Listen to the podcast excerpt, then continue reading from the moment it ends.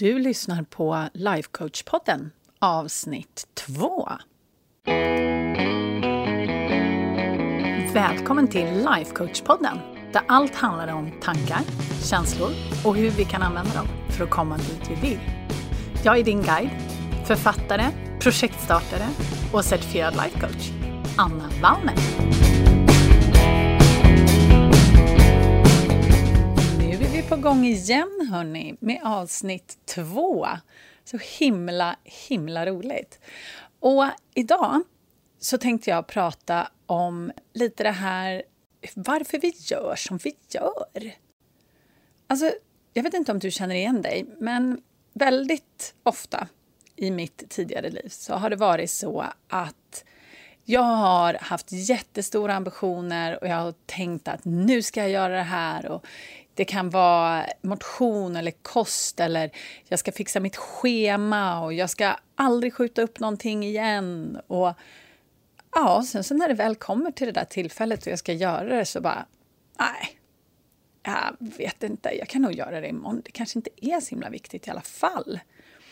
Och så kommer liksom alla de här tankarna upp. Och jag trodde väldigt länge att det var något fel på mig. Att jag hade jättedålig karaktär eller att, jag vet inte, att jag saknade liksom någonting i de där tillfällena. Att jag inte var liksom tillräckligt stark för att överkomma mig själv på något vis. Jag vet inte om du känner igen dig, men jag vet att det finns åtminstone väldigt många med mig som har lite problem med just det här att vi, ja, men vi sätter upp de här stora målen och vi har riktigt sköna varför. Vi kanske vill må bättre eller vi vill ha mer tid med våra nära och kära. Ja, vad det nu kan tänkas vara för någonting. Så vårt varför är jättestarkt och ändå så kan vi liksom inte riktigt när det väl kommer till kritan få oss att göra det här. Du kanske har satt något nyårslöfte någon gång och så har det börjat bra. Det har kanske hållit i två veckor, kanske en månad till och med, kanske lite längre. Och sen så liksom har det börjat rinna lite ut i sanden och det kanske börjar med att du känner dig lite sjuk eller mm, jag tror nog att jag kanske behöver vila lite. Och, ja, mm. och sen så vilar man någon gång och sen så liksom kommer man inte igång igen efter det där. Alltså så himla irriterande. Vad är det frågan om egentligen? Varför kan vi inte bara göra det som vi faktiskt långsiktigt vill göra? Vad är det som händer i våra hjärnor? Jo, förstår du, det ska jag berätta för dig. Det är nämligen så att våra hjärnor är programmerade för överlevnad. Även om vi nu lever väldigt bekväma liv och vi har rinnande vatten och vi har varma hus och ja, saker och ting är rätt bra för mänskligheten även om vi kanske successivt håller på att döda vår planet. Men det är en helt annan fråga och ett annat ämne. Men våra hjärnor ser precis ut som de gjorde när vi bodde på savannen det är ju en klassiker att säga det. Ja, när vi var Lucy. Eller vad man nu kan föreställa sig. Nej, men det är faktiskt sant, eh, skämt åsido, att våra hjärnor har inte utvecklats i samma takt som omständigheterna runt omkring oss. Så att våra hjärnor är helt enkelt inte vana. Så grundprogrammeringen i våra hjärnor är att vi vill undvika obehag, vi vill söka njutning och hjärnan vill vara så effektiv som möjligt. Det är de tre sakerna som hjärnan vill. Den vill vara effektiv, undvika obehag och söka njutning. Och gör den det, då är den jäkligt nöjd med om du bara andas. Vad du liksom uppnår för mål, det skiter den i. Den skiter i att du har något mål på att du vill gå ner fem kilo eller att du vill lära dig att spela piano.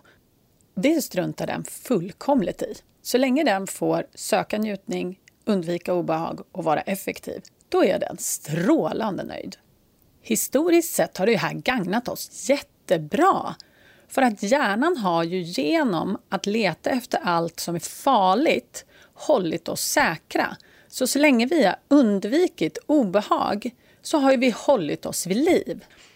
Så att undvika obehag. Gå inte ut och bli dödad av ett lejon. Det är dåligt. dåligt för överlevnaden. Men det som är bra för överlevnaden, eh, det är ju att söka njutning. Och där får vi ju njutning från jättemånga olika ställen. Det kan ju vara allt från mat, det är värme, trygghet, kärlek. Alla de här sakerna har också hållit vår art vid liv och fått oss till dit vi är nu. Plus då, om man lägger in den tredje komponenten, att våra hjärnor vill vara effektiva. Den vill inte hålla på och ödsla massa energi och det gör den effektivast genom att upprepa det den redan kan. Så har vi beteendemönster som har grundlagts kan man säga genom vår uppväxt så är det absolut lättast för hjärnan att bara köra rinse and repeat på det. Den bara liksom upprepa det vi har gjort hela tiden. Och det var ju som Einstein sa, tror jag, att bara en galning förväntar sig ett annat resultat när man gör samma sak.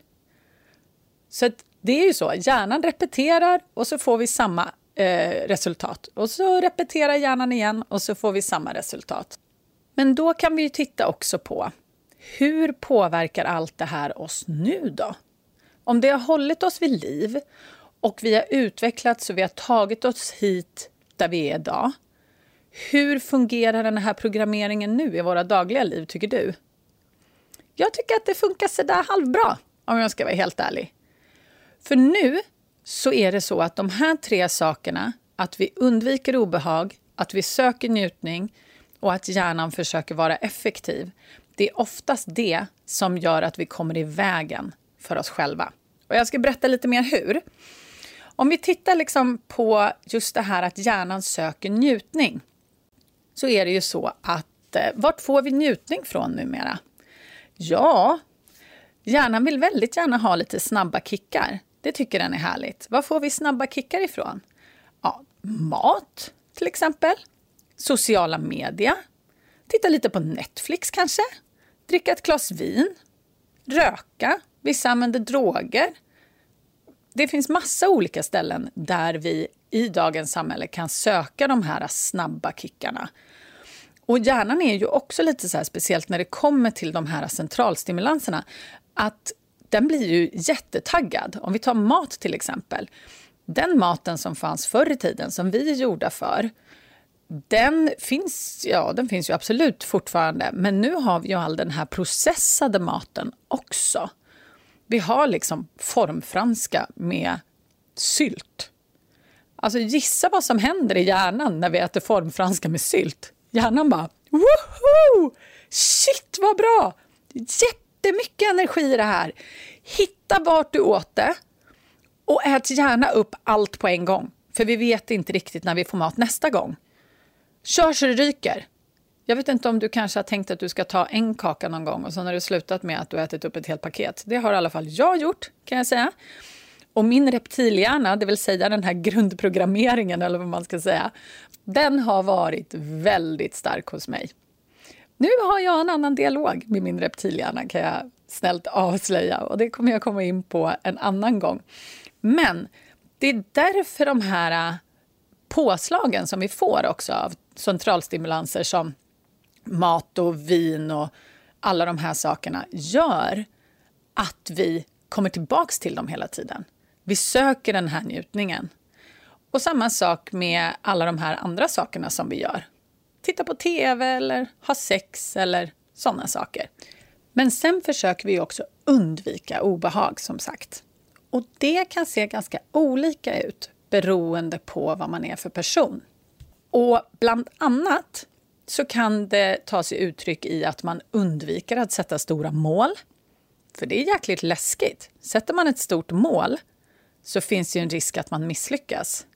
Och det är inte vidare behagligt, eller hur? Och dessutom har väldigt många av oss en tendens att kanske inte prata så jättesnällt med oss själva ifall det är så att vi faktiskt misslyckas med ett mål. Så det är jätteobehagligt. Så därför så skiter vi helt enkelt i det. Varför ska vi sätta ett stort mål när risken är att vi känner massa obehag? Sen skjuter vi också på saker till någon annan gång. För att vi kanske behöver sätta oss och skriva en rapport eller göra någonting annat för jobbet som vi har. Det verkar också lite jobbigt. Sådär. Öh, usch. Och vad gör vi då, då? När vi känner lite det där obehaget? Jo, då har hjärnan kommit på en fiffig lösning ska du se. Den är lite så här, ja men vänta nu. Det här vill vi inte känna. Det här verkar obehagligt.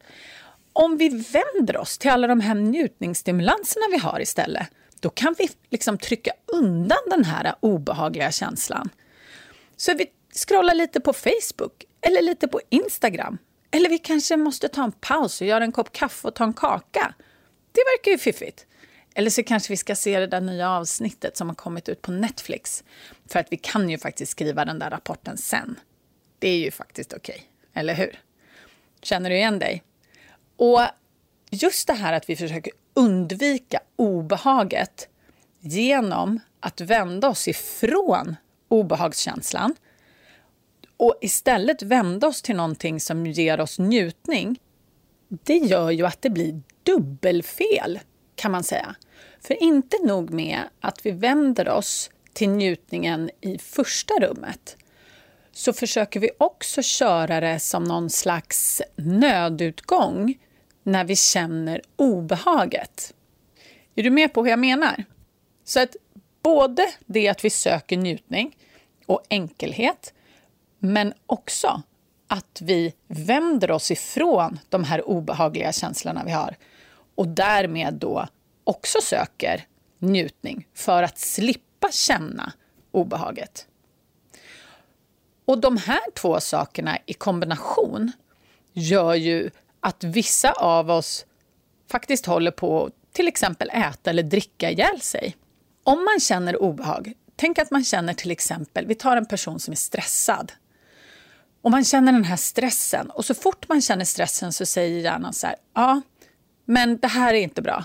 Gå och ät någonting. Det kommer lösa problemet. Och då varenda gång man gör det, det är lite som Pavlos hundar, att man känner stressen, det är klockan och då säger hjärnan så här, ah, lösning, gå och ät någonting. Och då när man äter någonting så stärks den här kopplingen i hjärnan att stress, det undviker man genom att äta någonting. Och varenda gång man svarar på den här klockan, då, då, att man känner stressen och faktiskt går och äter, så blir det här sambandet starkare och starkare. Om man då är en person som känner mycket stress och har som copingmekanism att äta när man känner stress, då finns det en överhängande risk att man kommer dra på sig en ganska kraftig övervikt. Och det kanske inte är jättehälsosamt. Och tittar vi på USA till exempel, där det finns alla de här äh, lättillgängliga, högprocessade maten och godiset och allting och läsk i stora, stora eh, såna här, vad heter de, big gulps. Det är ju helt sinnessjukt när man kommer dit. Så är det inte konstigt att vissa delar av världen faktiskt håller på att äta ihjäl sig. Så grundproblemet är inte maten i sig, utan grundproblemet är det som försiggår i våra hjärnor. Så jag tror att Stefan Rössner, den här fettprofessorn, han sa det att allting med måtta, det är helt okej. Okay. Men väldigt många av oss kan inte äta med måtta, för vi svarar på de här eh, klockorna som vi har, som är till exempel stress, eller vi är uttråkade, eller vi är frustrerade, eller vi är arga. Och vissa av oss vänder sig kanske inte till mat, vi kanske vänder oss till något annat. Vissa jobbar istället för att slippa känna känslan. Och andra dricker vin för att slippa känna känslan. Men det man gör är bara en triggad respons, ett triggat svar på att slippa känna det man känner. Och sen det tredje då, då att man upprepar det man har gjort hela tiden. Det är ju delvis som jag pratade om det här med Pavlos hundar, den här klockan som ringer. Det är ju en del i det, att hjärnan kommer på en lösning och sen så upprepar den bara den hela tiden. Men det gör också att vi upprepar det som vi har gjort historiskt också. Så att vi sätter inte några stora mål, för då måste vi ju lära oss något nytt kanske. Utan det är mycket bekvämare att bara göra det som man har gjort hela tiden. Okej då, när vi nu vet allt det här, hur gör vi för att komma ur det? Det är ju frågan. Först och främst så måste vi lära oss hur våra hjärnor fungerar så vi kan skilja på vad som är vad. Vad är det som är känslor? Vad är det som är tankar? Vad är det för omständigheter jag har runt omkring mig som jag måste förhålla mig till och som jag reagerar på? Först att liksom lära sig hur själva liksom grundstrukturen fungerar är ju jätteviktigt. Eh, och det är också någonting som jag lär ut med mina klienter. Och jag drog parallellen häromdagen faktiskt till att ha en eh, PT. PT står ju alltså för personal trainer, alltså någon som hjälper dig att träna och komma i form. Och skaffar man en sån så är det ganska vanligt att att eh, den här personen går igenom övningar med dig. Kanske hur man gör armhävningar på ett bra sätt för att det ska bli effektivt och för att man ska bygga muskler på ett bra sätt. Eller så får man en genomgång på gymmet för att man ska veta hur alla maskiner fungerar och så vidare. Och Man bygger liksom det här ramverket just för att man ska kunna bli effektiv i sin träning. Att ha en coach, det är lite som att ha en PT för hjärnan. Och det man gör då, det är helt enkelt att man lär sig hur de här systemen fungerar så att man sen kan börja använda dem till sin fördel. Precis på samma sätt som man lär sig med vikterna och övningarna. Hur kan jag göra de här övningarna och använda de här maskinerna på gymmet så att jag ska bli så stark som möjligt? Hur ska jag kunna använda all den här kunskapen som jag har nu om min hjärna för att kunna komma dit jag vill? Det är liksom första steget. Andra steget det är att vi måste lära oss att känna våra känslor. Och Det här kommer jag komma tillbaka till i senare avsnitt. Känslor det är det som gör att vi gör någonting överhuvudtaget. Precis som vi pratade om i början. Antingen så är vi ute efter en känsla eller så försöker vi undvika en känsla.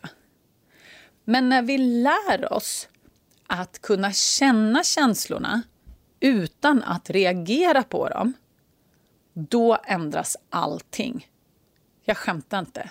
Om vi tar det här matexemplet igen. Om du kan känna stress utan att gå till kylskåpet så kommer du ju inte få ett överätningsproblem, eller hur? Och om du kan identifiera känslan och bara så här, ja, det är stress jag känner nu och det är okej. Okay. För den stressen kommer inte långsiktigt att lösas för att jag går och äter kakor. Men när man kan identifiera hur känslorna känns i kroppen så behöver man inte reagera på dem på samma sätt. Och det är en game changer. Jag skämtar inte. Sen, tredje anledningen, eller tredje grejen man kan göra sen också, det är att man börjar pusha sig själv ut ur sin bekvämlighetszon. För det är det som får hjärnan att sluta upprepa sig hela tiden. Den vill ju hela tiden göra samma sak för att det är bekvämt och effektivt. Men när man har lärt sig hur hjärnan fungerar och när man har lärt sig att känna sina känslor och vet att det inte är någon fara om man känner lite obehag för att man har satt ett stort mål, då kan man börja sätta de här stora målen. Man kan börja pusha sig utanför sin bekvämlighetszon så att man kan växa, man kan utvecklas, man kan lära sig nya saker. Och det är ju helt fantastiskt. I min värld, så som jag ser på det, så är vi ju på den här jorden för att växa. Att kunna bidra mer och förändra saker och ting. För om folk inte hade gjort det, då hade vi fortfarande suttit i grottorna på savannen och ätit hyena eller vad vi nu fick tag på för någonting. Vad vet jag. Så det är ju just det här att sträcka sig utanför sin bekvämlighetszon och sträcka sig efter det där okända. Det är ju det som är så coolt, tycker jag. Att fatta alla de här sakerna rent konceptuellt, det är kanske inte jättekomplicerat.